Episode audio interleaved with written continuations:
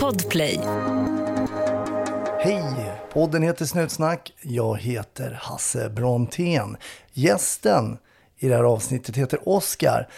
Vi har en koppling till en tidigare gäst, nämligen hans hustru Jenny. Jag vet inte om du kommer ihåg det avsnittet, men hon var ju villig att offra en veterinär för att undkomma eh, vildsvin. Mycket roligt avsnitt skulle jag vilja säga. Eh, och det var nummer 86 i ordningen. Om du inte har hört det så rekommenderar jag det. Det var riktigt roligt. Men Oskar har en annan historia att berätta som är väldigt dramatisk. Och också ett prank som han utsatte sin fru för som är väldigt roligt och kommer alldeles strax. Det finns också lite bonusmaterial med Oskar. Vill du bli Patreon och ta del av bonusmaterial så kan du gå in på patreon.com snutsnack. Annars finns vi såklart på sociala medier. Bara att söka upp oss på Instagram eller Facebook. Ja, det är i slutet av januari 2022 när vi spelar in det här och det blåser något fruktansvärt utanför fönstret. Så var försiktig där ute och så hoppas jag att du får en riktigt trevlig lyssning. 1310 570 kom. 1310 Odengatan kom. Ja, det är uppfattat. Vi tar det. Slut. Bra. Klart slut. Välkommen Oskar! Tusen tack. Det är, det är en röst från norr vi hör. Exakt, jag sitter i Umeå just nu. Ja. Är du bördig från Västerbotten? Nej, det är jag inte, utan jag är jämtlänning i grund och botten. Född i en liten by som heter Yxskaftkärlen. Det kan du googla. Det ligger ungefär 10-12 mil norr om Östersund kan man säga. Jaha, okej. Men du har fått lite Västerbottens eh, dialekt, eller? Nej, nu ska du inte säga så, eller utan det, min jämtländska dialekt sitter kvar. Okej, ja, okej då. Kan det, vara, det kan vara en mix, jag vet inte. Ehm, men det är roligt för du, du är faktiskt gift med en tidigare gäst. Precis, Jenny som var med, jag tror det var ganska tidigt i din podd. eh, Jag tog till och med det avsnitt 86, jag har kollat upp det där. Jenny som pratade mycket om djur, eh, har varit med hos dig. Ja, oftast, jag, måste säga att jag tror att det kan vara en av de faktiskt roligaste avsnitten när hon, eh, ja de är väl egentligen um, fånga, infångade av vildsvin eh, på, på ett sätt. Men och för dig, lyssnare som inte har hört det så rekommenderar jag det. är ju ett spektakulärt ärende som man kanske inte tror att man ska vara med om när man pluggar till polis. Nej, precis. Det är svårt att mentalt förbereda sig för det där, det kan jag ju säga. Hur kommer det sig att du valde liksom att eh, yrket polis då, Oskar? Eh, ja, det vad ska man säga, jag hade egentligen kanske inte planer på att bli polis. Det var så ingen, ingen barndomsdröm direkt, det var det inte. Utan när jag var yngre då höll jag på mycket med idrott, eh, särskilt friidrott eh, som jag satsade ganska hårt på. Eh, tävlade på juniorelitnivå eh, och vilket gjorde att jag prioriterade inte skolan kan man säga. Jag var en ganska dålig student. Eh. Men så gjorde jag illa mig när jag var 18 år så gick min axel sönder så att eh, jag kunde inte tävla någonting mer. Och då började jag fundera vad jag ville göra. Och då kom jag in på polisbanan faktiskt. Hade du någon i din bekantskapskrets eller sådär som, som jobbade som polis? Jag hade ingen i släkt, eller långt tillbaka till släkten hade jag en, ingen som jag träffat som inte var, som var vid livet eh, har varit polis, men som vi inte har pratat om egentligen. Men min tränare i, inom friidrotten, eh, Ronald, han var faktiskt polis. Så jag tror det var där det började inspirationen egentligen. Just det. Och hur gammal var du när du sökte till, till polisskolan? Ja, första gången jag sökte då var jag 20 år. För jag tror då fick man vara 20 år eh, första gången man skulle söka så att säga. Eh, och kom ju vidare hela vägen till intervjuer och, och sista uttaget men fick beskedet att jag var lite för ung. De ville att jag skulle få lite mer arbetslivserfarenhet. Så jag kom inte in första gången jag sökte. Kom du ihåg hur du reagerade på den sägningen då? Ja, ja, jag blev riktigt besviken faktiskt. Jag hade sett fram emot det här och byggt upp en bild liksom att jag var nära och skulle få komma in. Eh, Men då, på den tiden, det här var ju i början på 2000-talet, då var det ju väldigt hård konkurrens om eh, platserna på skolan. Eh, Så att man skulle slå ut ganska många innan man kom in. Så att det var väl helt normalt och jag tror det var vettigt också. Jag var, jag var för ung för att komma in då. Mm. Idag är det ju precis tvärtom. Det är ju ingen som vill bli polis idag. Nej, det är ju mer oroväckande på så sätt när man hör om det, att, att man fyller inte platserna riktigt. Så att, det, det är ingen bra utveckling, det är inte. Vad tror du gällande liksom de som jobbar på, som poliser? Vi har pratat om det här lite i podden tidigare, men man pratar ju såklart om att eh, lönen måste höjas och det är vi väl alla överens om. Eh, men finns det bara ett x antal polistyper? Alltså jag menar, det är inte, jag menar oavsett om man skulle få, det finns en del som inte vill bli poliser om de så skulle få 90 000 i månaden. Mm. Alltså, är, det, finns det, är det bara en speciell typ av människor som vill göra det här jobbet tror du? Eller, för det är väl ändå inte ämnat för alla? Nej, jag tror du är inne på någonting där faktiskt. Det är ju inte pengarna det handlar om, för jag tror ingen som väljer polisyrket eh, tror att de blir miljonärer. Utan det handlar mer liksom att ja, men ha, ha de egenskaperna och den viljan att jobba på det sättet. Eh, det, det är ett tufft jobb. Mm. Jag vet att när jag gick polisutbildningen så hade vi ju eh, man fick göra studier under studietiden, åka ut på polisområden och åka med i polisbilar. Mm. Och då var det ju några som hoppade av faktiskt från skolan för de insåg att nej men det här är inte för mig. Så att, ja, det.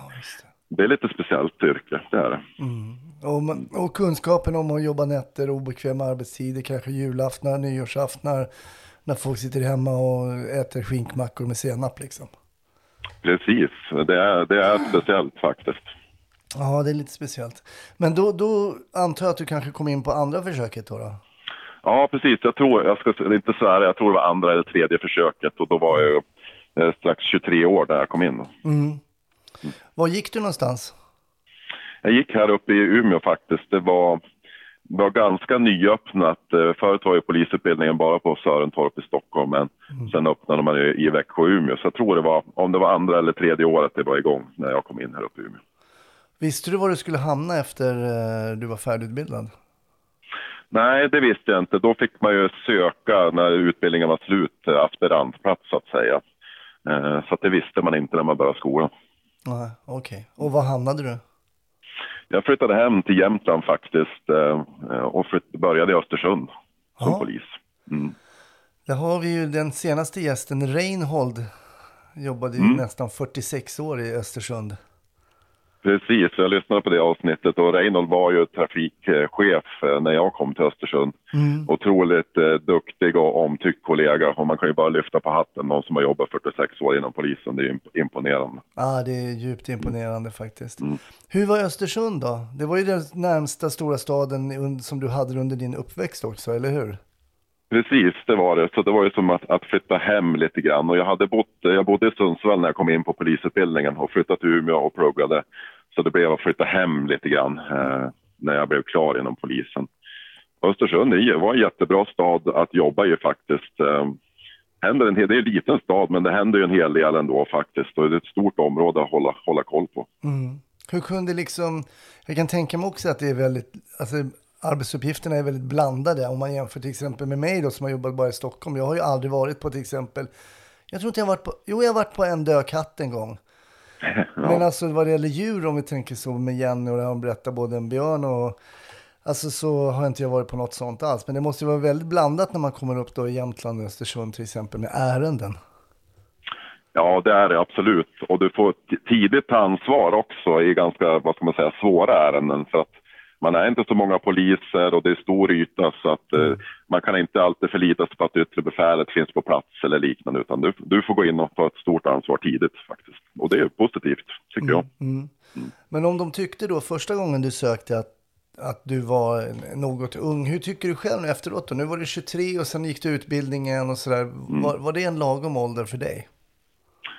Jag, jag, jag, tror inte att det skadar mig några år till så här i, i, i backspegeln faktiskt. Eh, för, för det är tufft att komma ut eh, och stå där som är ung, vad ska man säga, ung polis, ha inte all erfarenhet i bagaget så att säga. Och du ska möta människor i svåra situationer. Så att mm. Jag tror det är klokt att skjuta fram åldern lite grann. Mm. Mm. Och när du säger erfarenhet, syftar du främst då egentligen på livserfarenhet då?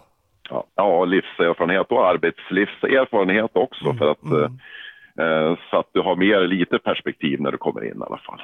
Mm. Du sa att man fick ta mycket ansvar. Vad, vad kunde det vara då? till exempel? Hade, du- kan du ge något exempel på någonting när du kände oj, nu måste jag ta tag i det här själv? Ja, men jag vet att man har ju varit på något ärende, lite svårare case, alltså med grov, riktigt grova brott eh, där det liksom är viktigt med den här initiala avrapporteringen och strukturera upp eh, ärendet på plats så att säga. Och så hade man ingen erfaren kollega med sig och då var man kanske äldst i tjänst, väldigt ung så att säga. Då fick man ta det ansvaret och gå in och, och styra upp och hålla koll på alla bitarna. Eh, Är det, är det bra eller dåligt att, att behöva ta så stort ansvar så tidigt? För mig var det, för mig var det bra personligen kan jag säga. Jag, jag gillade det där faktiskt och fortsätter på det spåret eh, senare också. Så att, det är klart, det är från individ till individ såklart. Eh, Men jag tycker det var positivt. Fick du några tankar eh, när du började jobba, liksom att ja, det här är ju kul, men jag vill nog inrikta mig åt det ena eller andra hållet? Ja, jag hade väl inga riktiga sådana tankar när jag började som polis, utan det var ju ordningspolis och åka radiobil som man ville göra. Men ändå rätt tidigt så insåg jag ju, eh, vi hade ju, det kallas ju vakthavande befäl, fanns i varje turlag. Eh, och det här var ju eh, individer som man såg upp till, det var ju verkligen de här top of the line-poliserna som var vakthavande, tyckte jag i alla fall. Eh, så man hade ju siktet dit faktiskt. Mm. Om vi berättar för lyssnarna då som inte jobbar som poliser, vad gör ett vakthavande befäl? Då när jag började, då var ju varje län en egen myndighet. Alltså Jämtlands län var en egen polismyndighet. Eh, då hade man en egen ledningscentral.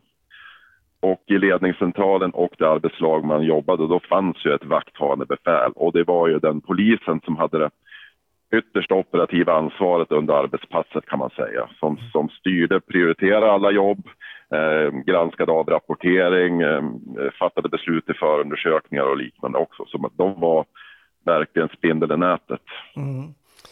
Också en person kanske som man kunde ringa om det, man stod på något ärende kanske och ställa de här frågorna som man, om man inte har blivit utsatt för vissa ärenden så att säga, som hade den erfarenheten, eller hur?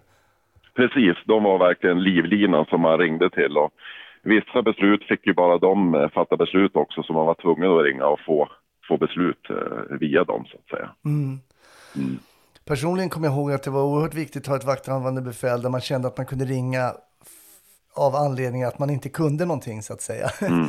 Det var några vakthavande befäl som jag har minne av var så hårda och de liksom tyckte att det här ska man kunna och du är från skolan och så vidare. Och så vidare. Så då, i, alla fall i mitt fall så undvek jag vissa vakthavande befäl. för, Ja. att, för, att, ja, för att inte blotta min egen okunskap inför den personen. Men det, kommer man som ny måste man ju kunna få ha det, liksom känna det förtroendet att jag ändå kan ställa frågor som det är, där, det är för att jag är ung i, i tjänst som jag inte kan det liksom.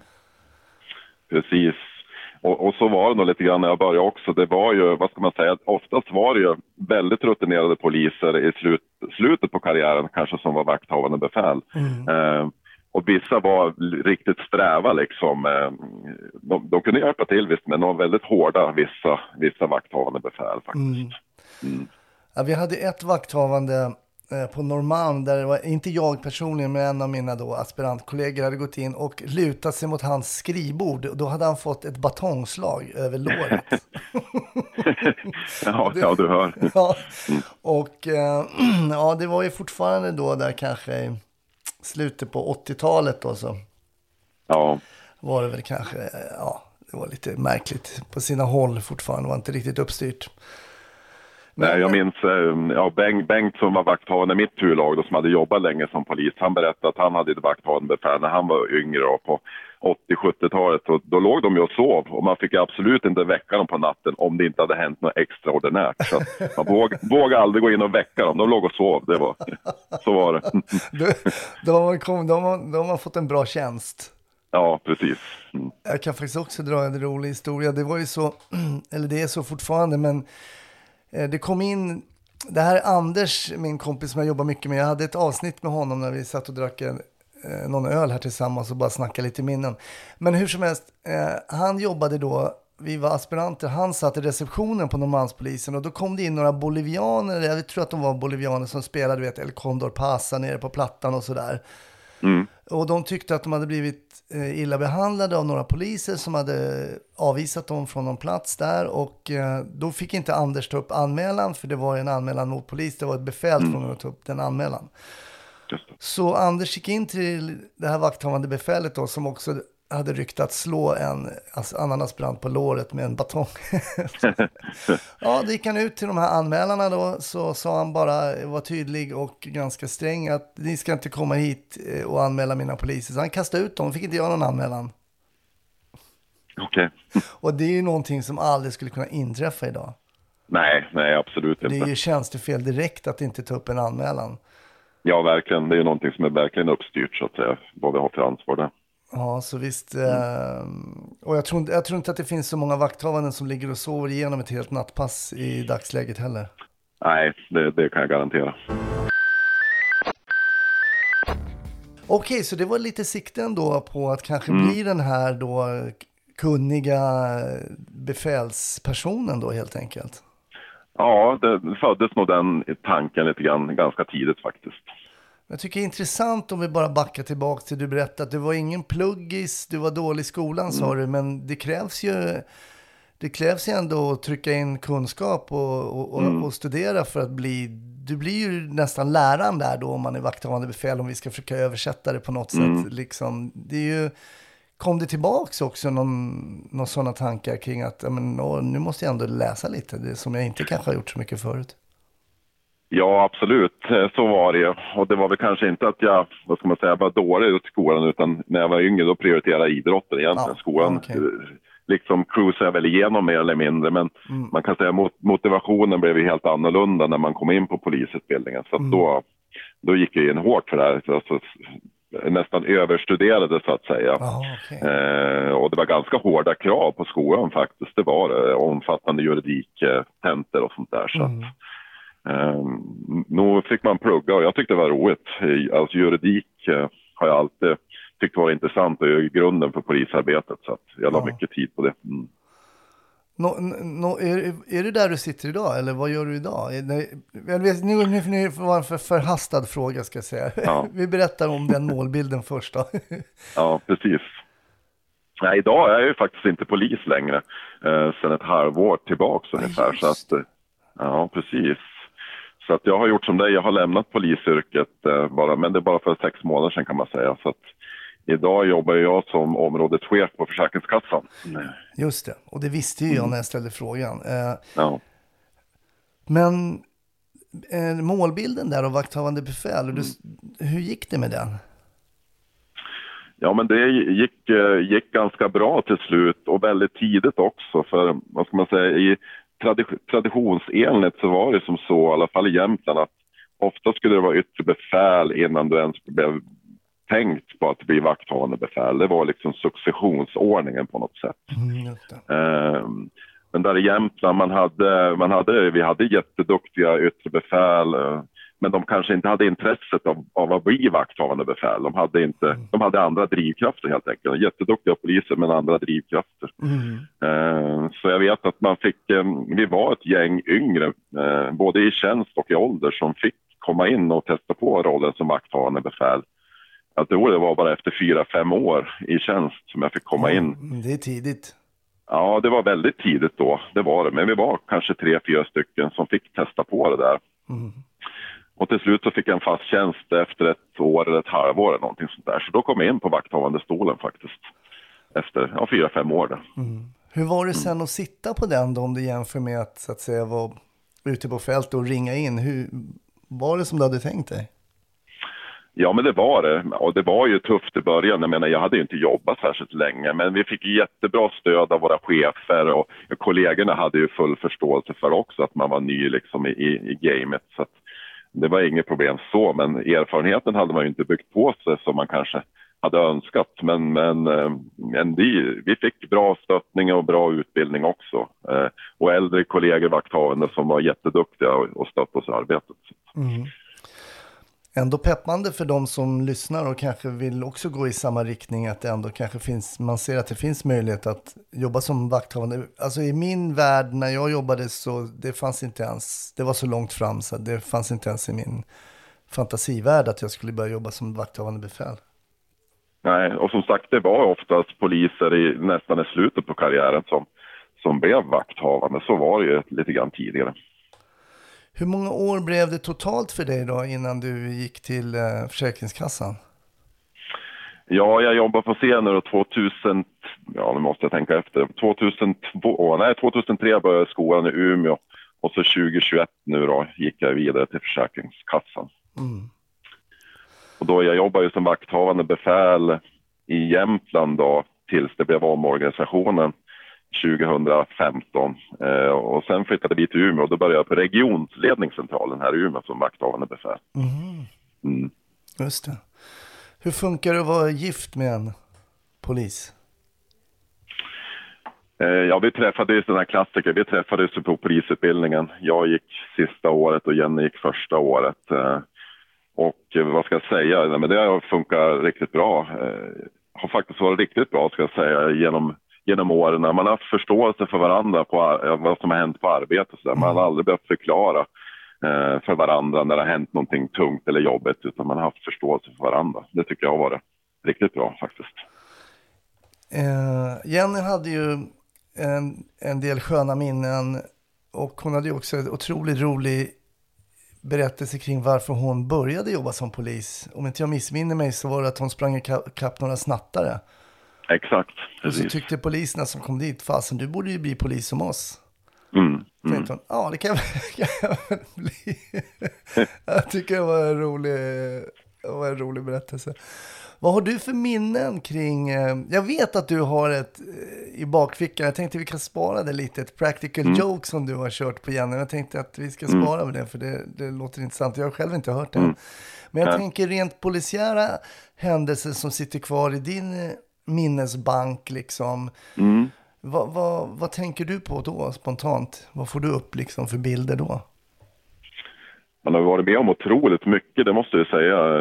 Det är som svårt att sortera i huvudet ibland. Både roliga, tragiska och dramatiska delar.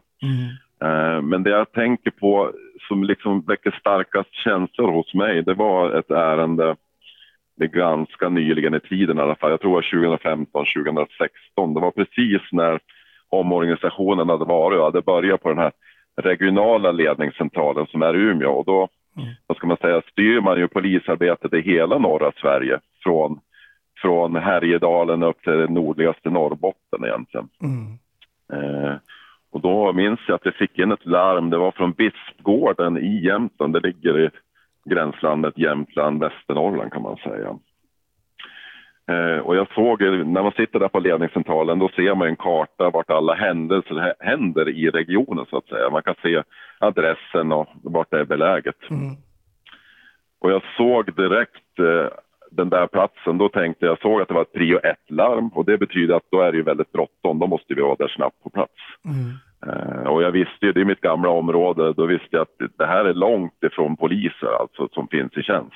Okej. Det kommer ta tid, in, tid innan jag är på plats. Det är minst 10 10-12 mil. Eh, och då går jag in och medlyssnar på det här larmet, för det kan man göra som vakthavande. Det finns ju radoperatörer som sitter och tar emot larmsamtalen Mm. som sköter själva samtalet och så går jag in och medlyssnar.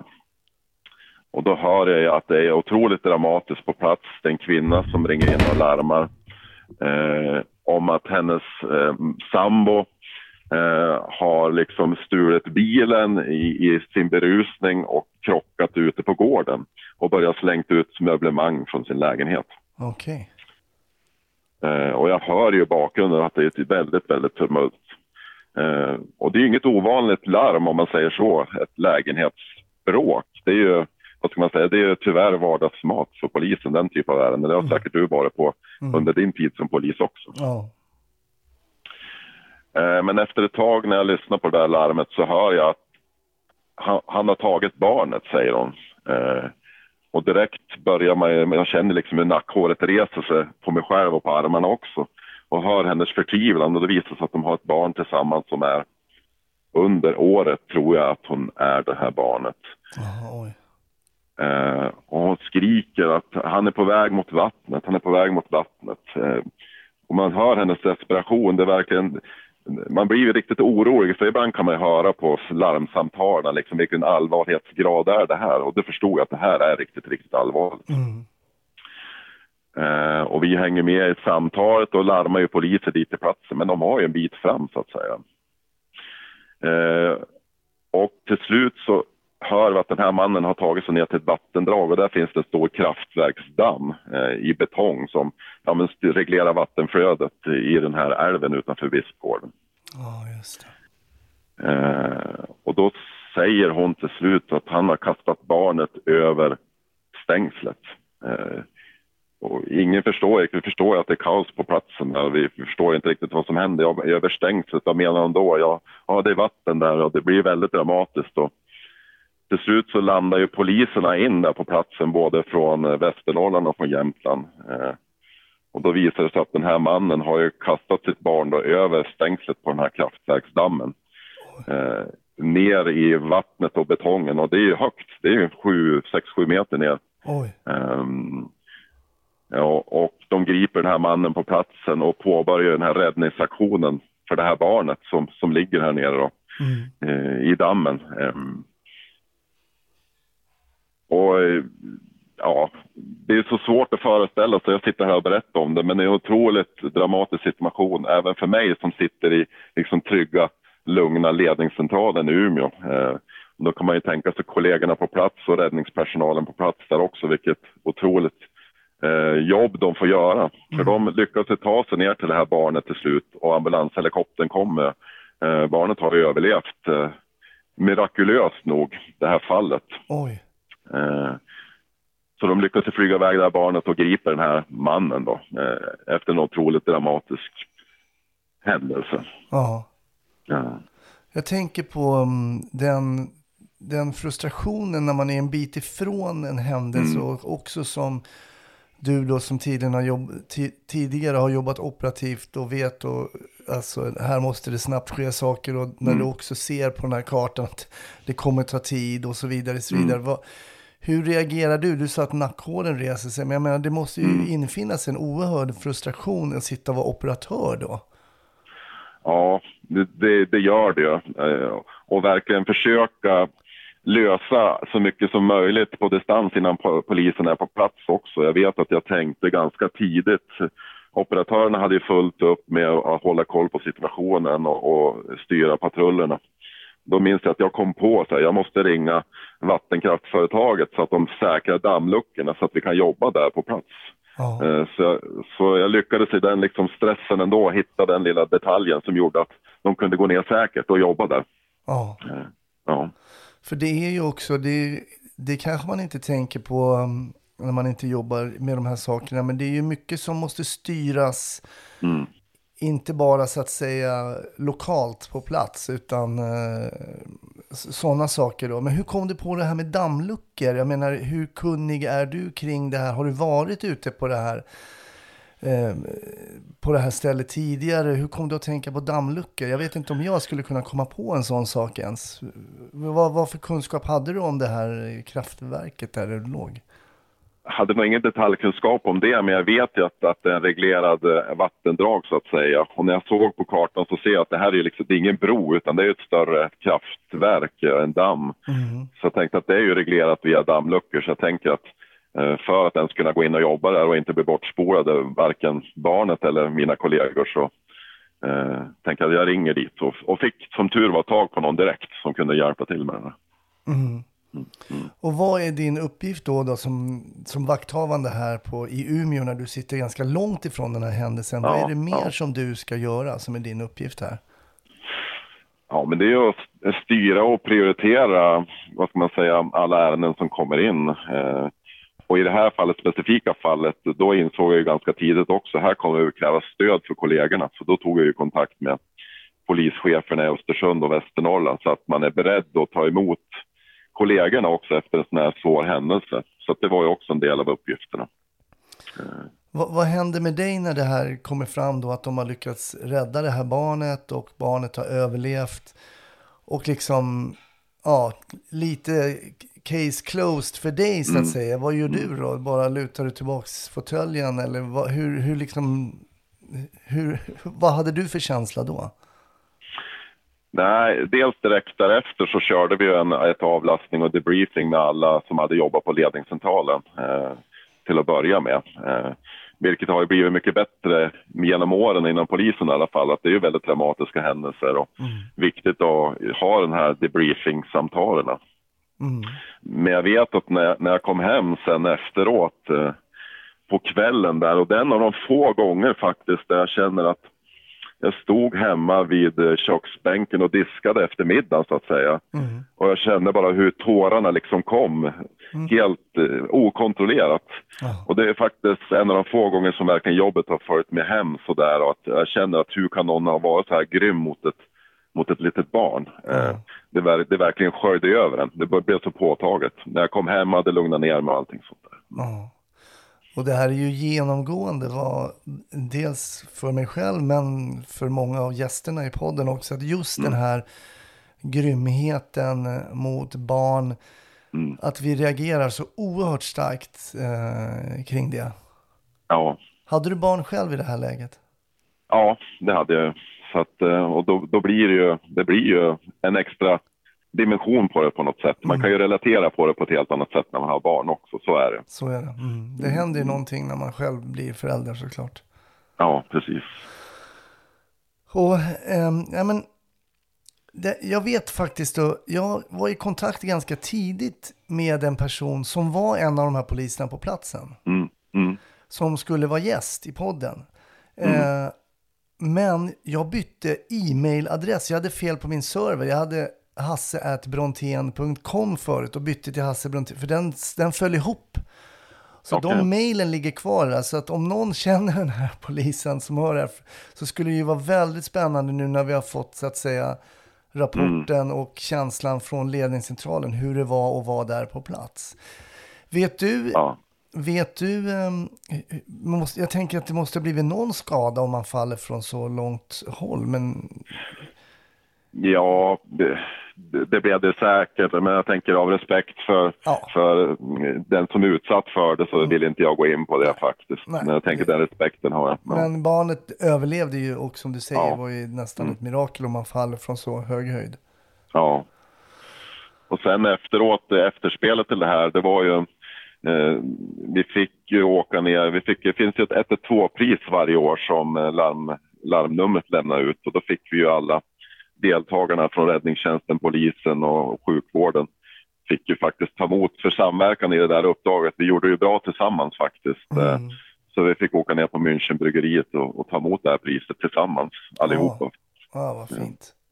Så det var en fin bekräftelse ändå, tänker jag. Ja, men verkligen. Mm. Och det där är ju också någonting, för jag menar, jag kan tänka mig att ibland har man ju några övningar tillsammans, man, Mm. Man kanske övar något tänkbart liksom dramatiskt scenario, så här, men annars så jobbar ju räddningstjänsten mycket för sig själva och polisen för sig själva. Och ibland så bara klaffar det mycket bättre än vad det gör kanske vid ett annat tillfälle. Och det här kanske var så, ett sånt exempel. Ja, det var det. Och jag, jag tycker att vi är duktiga och arbetar tillsammans, alla samhällsfunktioner. Sen är det olika från ärende till ärende, men generellt så är vi ju duktiga på den samverkansbiten.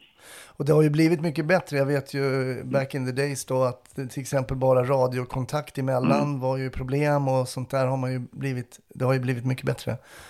Ja, Det är intressant när man pratar med Reinhold, de hade inte ens radioapparater. Jag menar, det har ju hänt otroligt mycket på egentligen ganska Ja. kort tid. precis. Eh, Ja, det har det gjort. Så sen jag började då var det ju ett äldre radiosystem och det var ju, man kunde ju stå på en trafikolycka och se varandra, men man kunde inte prata med varandra i radion. Så dålig täckning kunde det vara. Ja, där har det ju verkligen, verkligen gått framåt. Men då är jag ändå lite nyfiken på, för du går ju nu här från, ja, börja skolan, börja jobba, få en ganska tydlig målbild vad du vill göra. Gör det också vakthavande befäl, flyttar till Umeå och så. Men sen så går ju åren och sen slutar du. Vad är det som händer och vad är det som för dig mot beslutet att inte jobba som polis längre? Ja, det kan man säga. Jag slutade ju som vakthavande befäl där också, vad kan det vara, 2018 tror jag. Eh, då- för då hade jag jobbat ändå ganska länge, nästan tio år ändå inom den operativa världen. Jag tänkte att nu måste jag bli lite bredare som polis, bli lite, jobba med lite andra saker. Så då började jag faktiskt, jag tänkte vad är det svåraste jag kan göra inom polisen? Jag hade tänkt att jag börjar med utredningar för att det har jag knappt jobbat med. Eh, Så då blev jag faktiskt chef på bedrägerienheten här i, i Västerbotten. Eh, och började, ja, eh, var förundersökningsledare och jobba med bedrägeriärenden. Och i bedrägerier ingår ju också brott mot välfärden, alltså bidragsbrott. Just det. Och då kom jag in på den banan, det väckte ett intresse hos mig. Och det gjorde sen nu att jag tog steget vidare till Försäkringskassan och jobbar med kontrollutredningar. Alltså det vi utreder det är ju de som utnyttjar välfärdssystemen inom Försäkringskassan då. och sen lämnar vidare till polisen delvis. Alltså det är ingen charmig brottslighet egentligen att ta pengar från de som egentligen behöver det. Nej, och det har ju varit ganska generellt låg upp, uppmärksamhet om det tidigare år, men nu får det ju mer och mer uppmärksamhet. Det är ganska mycket pengar som blöder ut från, från välfärden som ska gå till de som behöver det. Så att, eh, på det spåret blev det. Men eh, är det så att du blir kontaktad då från eh, den här andra arbetsgivaren eller sökte du dig mer till, eh, till dem? Hur, hur blir det? Hur får man ett sånt jobb? Ja, eh, vad ska man säga? Jag fick ett litet tips från en som jobbar inom Försäkringskassan. Sen är det klart att jag sökte jobbet.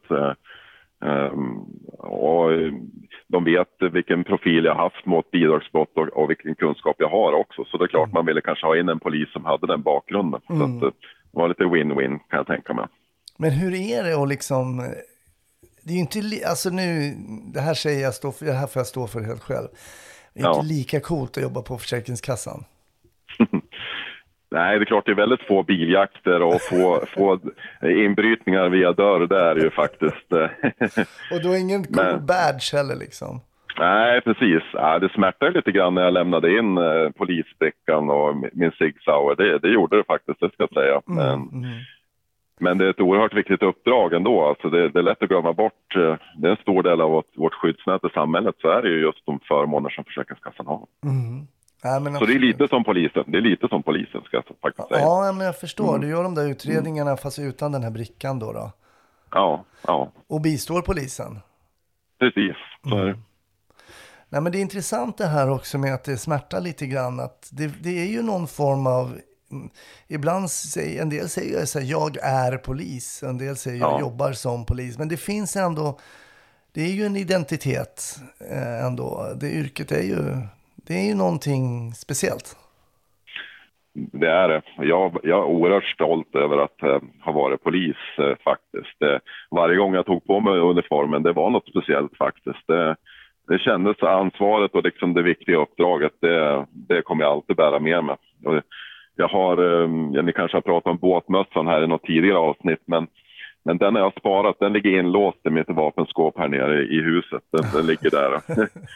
Som ett minne. med lite patina. Det är mycket patina i den. Ja, men intressant. Ja, nej men sant. Det, ibland kan jag glömma bort att jag faktiskt ändå hade så pass många anställningsår, 20 år liksom. Tänkte shit, har jag verkligen? Men det, det sitter...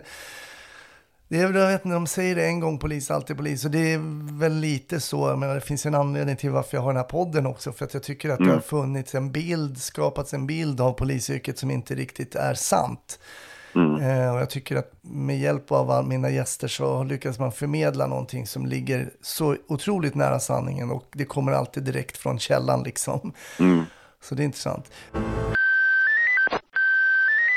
Men nu är jag ju superintresserad av eh, ditt prank mot, eh, mot Jenny, din fri. Hur, hur kommer det sig? Har ni det att ni prankar varandra ibland liksom sådär eller?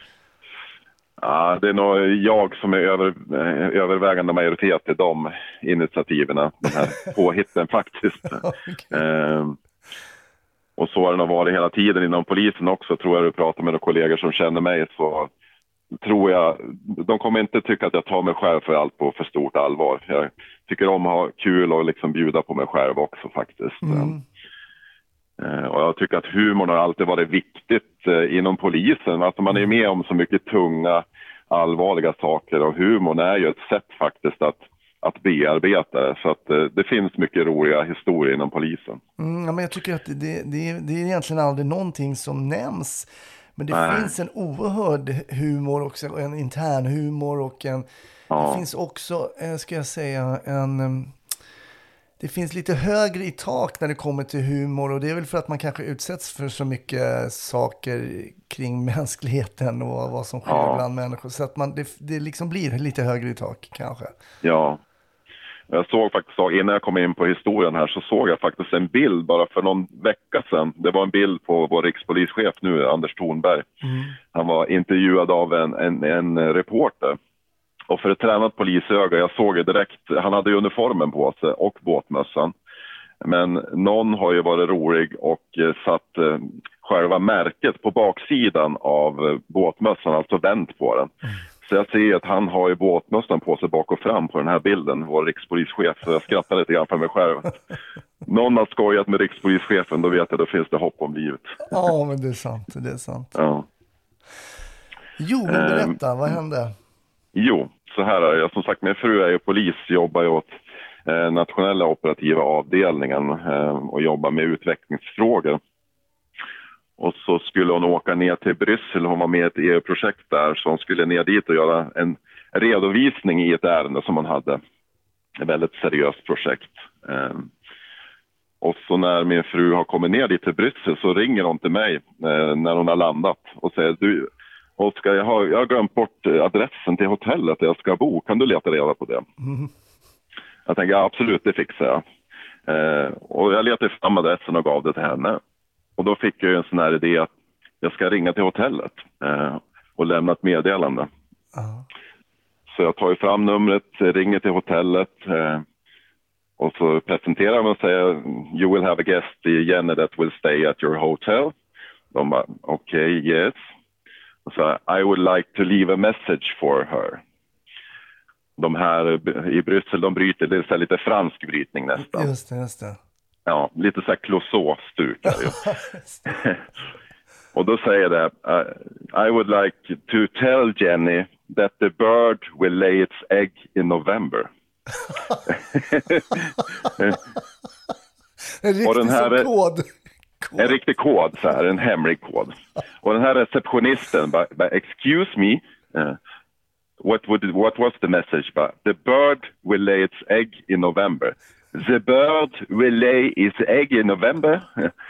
Ja, exakt. The bird will lay its egg in November. Till slut så har de skrivit ner det här och förklarat det här. Meddelandet.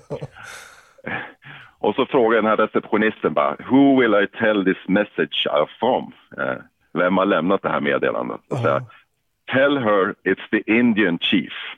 Eh, excuse me, the Indian chief? Ja, till, till slut så förstår ni att ja, the bird will lay its egg and it's in November and it's from the Indian chief. Vad, Eh. vad fick du den där idén its egg? Bara- Var det bara något som bara dök upp i huvudet? Ja, det dök bara upp i huvudet. Jag tänkte det ska ju låta som någon sorts kod så att de blir lite misstänksamma här på hotellet. Så, och, eh, så kommer ju Jenny, och det här berättar hon för mig, då kommer hon till hotellet och ska checka in. Eh, och då kommer ju receptionisten fram då och bara I have a secret message for you, säger hon. The bird will lay its egg in November. Eh, it's from the Indian chief, säger hon. Och Jenny hon bara vad, vad, vad säger du för någonting? Va? Och hon repeterar ju det här. Ja. Och till slut så går det upp ett ljus för Jenny att det här är Oscar som har hittat på det här. Som säger bara okej, okay, oh, thank you for the message. Och det blir ett himla rabalder där i receptionen kring det här hemliga meddelandet. ja, Och, det är klart. och varje gång Jenny går förbi receptionen så blinkar de mot henne och liksom bara yes. Yes, the bird. Ja, the bird will lay its egg in November. ja, Och hon fattade att det var du ändå till slut. Ja, men till slut så då fattar hon att ja, för hon har blivit utsatt tidigare för lite olika saker. Men det var ju som nästan lite så här, äh, ja men lite underrättelseverksamhetsmeddelande liksom. Ja, precis. Och hon var ju bokad i, i, i The Swedish Police. Jag tänkte att de kanske har kopplingen att eh, ja, det är något hemligt meddelande. Mm. Nej, det var ju väldigt, väldigt roligt. Jaha, så hon passar sig varje gång hon checkar in på ett hotell. Ja, nu, nu ber hon inte om adressen från mig, nu håller hon koll på det själv så att säga. Men nästa grej är väl att du lägger ett meddelande när ni båda checkar in. Då blir det ändå lite så här, vad fasen, har du ringt in ett meddelande till dig själv också? Ja, ja precis. ja, men hur mycket saknar du eh, polisen då? Nu frågar jag inte om det, utan jag frågar bara hur mycket. Nej, men det visst, det- och ko- kollegorna, det blir ju någonting särskilt, eh, precis som du säger. Man, man har varit med om saker tillsammans, eh, ha- har liksom samma förståelse. Så att eh, det blir ju speciellt polisyrket. Så kollegorna och kamraterna, uppdraget också, är klart, det saknar man ibland. Men, det- men det är roligt att utveckla sig inom annat också. Det, Ja. det tycker jag verkligen, att ta det här steget och, och bli lite bredare och få andra vyer också. Ja, men det, var, det är intressant för att när jag pratade med um, Anders, min, vi gick ju i skolan samtidigt 88 och är väldigt goda vänner fortfarande och umgås och sådär. Och vi hade de diskussionerna hur, hur länge man kanske ska jobba som polis för att ha fortfarande inte få den här känslan att ja, men nu vill jag utveckla en annan del hos mig. Och det kan man ju göra i andra tjänster inom polisen såklart. Men ibland kanske man inte när man är äldre får tillgång till de tjänsterna som av olika anledningar. Så, sådär. Men jag vet ju till exempel i olika stater och i olika i USA, där jobbar man bara 15, kanske 20 år som polis. Ja, precis. Eh, och det, det är väl därför man blir så enormt imponerad när man hör till exempel Reynolds som har jobbat då så himla länge. Ja. Nej, och det är lite annat idag också. Det är fler som vågar prova på annat också, men man är inte kvar i samma yrke i samma utsträckning som det kanske var tidigare. Nej. Men det är väl därför också det uppstår ett visst, en visst blodflöde ut liksom från myndigheten att fler har blivit citat och modigare att testa annat. Och det är väl rent generellt unga människor idag sitter inte fast på samma sätt som förr i tiden. Liksom. Att man, Nej. man utbildar sig till yrke och sen det var det klart. Nej, precis. Eh, och som sagt, jag har aldrig lämnat polisen för att jag inte trivdes. Jag trivdes oerhört bra som polis, utan det är mer personlig utveckling det handlar om. Mm. Men trivs du idag då med nya jobbet? Ja, men det gör jag absolut. Eh, jätteduktiga kollegor också och, ro, och roligt eh, jobb också. Ja. Jag tänkte, vi pratade lite om humorn här och det kunde du ju bevisa också med The Bird som skulle lay its egg i november. Men det är ju mycket, man kan ju se, vi pratar ju alltid polisfilm på slutet och det är ju rätt mycket humor också i en del polisfilmer. Men kollar du polisfilmer någonting? Ehm, ja, det gör jag. Li- lite svårt för de här modernare fil eller filmerna och serierna faktiskt. Det tycker jag kan vara lite svårt att följa. Men är lite irriterad över att ja, skulle du göra det där, då skulle du få avrapportera i två dygn efteråt eller något. Ehm, Men eh, som mina barn brukar säga, du tittar bara på gamla filmer så att jag gillar de här lite äldre faktiskt. Ja, men pratar vi äldre svenska eller äldre rent generellt? Ja, äldre svenska också. Jag har ju ett bra tips och det är ju, som jag tycker alla ska se, det är ju Mannen på taket från 1970-talet någon gång med Carl Gustaf Lindstedt som, som Beck. Ja. Det är en oerhört bra film. Ja, det är en klassiker och jag har ett minne när jag var kanske 8-9 år. Carl Gustaf Lindstedt bodde där vi hade landställe och då Okej. gick jag och knackade på hans dörr och fick en autograf. Oj, ja det var stort Det är faktiskt. stort, det är stort. Ja, Ja, det är en, det är en riktig svensk polisklassiker, Sjövall Wahlöö. Ja. mm, eh, Mannen Precis. på taket, ja. och boken också, den är ju byggd, den vedervärdige mannen från Säffle är ju byggd på så att säga och den kan jag rekommendera att läsa också. Det är intressant, det, är, det, det är rätt intressant med Carl Gustaf Lindstedt som ju var komiker mycket, var ju en komisk karaktär mycket i revyer och sådär, men kom sen och spelade då Beck. Jag tänker ju nu också på Robert Gustafsson som ju har varit liksom mycket, var ju liksom Ja. landets clown och som nu spelar också seriöst polis liksom. Precis. Eh, Det finns, ehm, det kanske finns en utvecklingsfas kring eh, land, eller landets komiker också, att man går mot något mer seriöst sen när man blir äldre. Vi får se. Ja, Får absolut. se om jag får spela Beck i framtiden.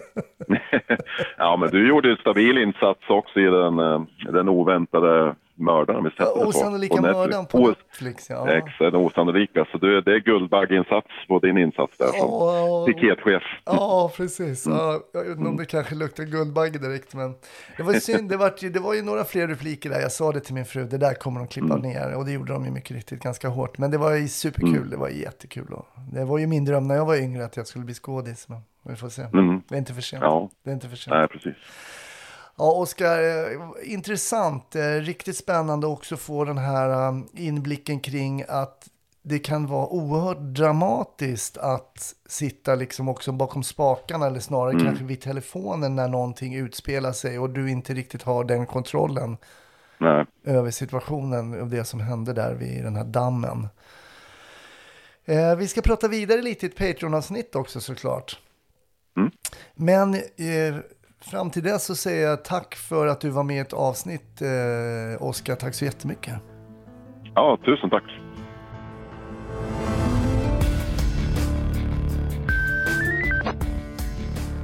Stort tack. Snutsnack är slut för den här veckan, men givetvis kommer det ett helt färskt avsnitt om en vecka och jag hoppas att du lyssnar även då.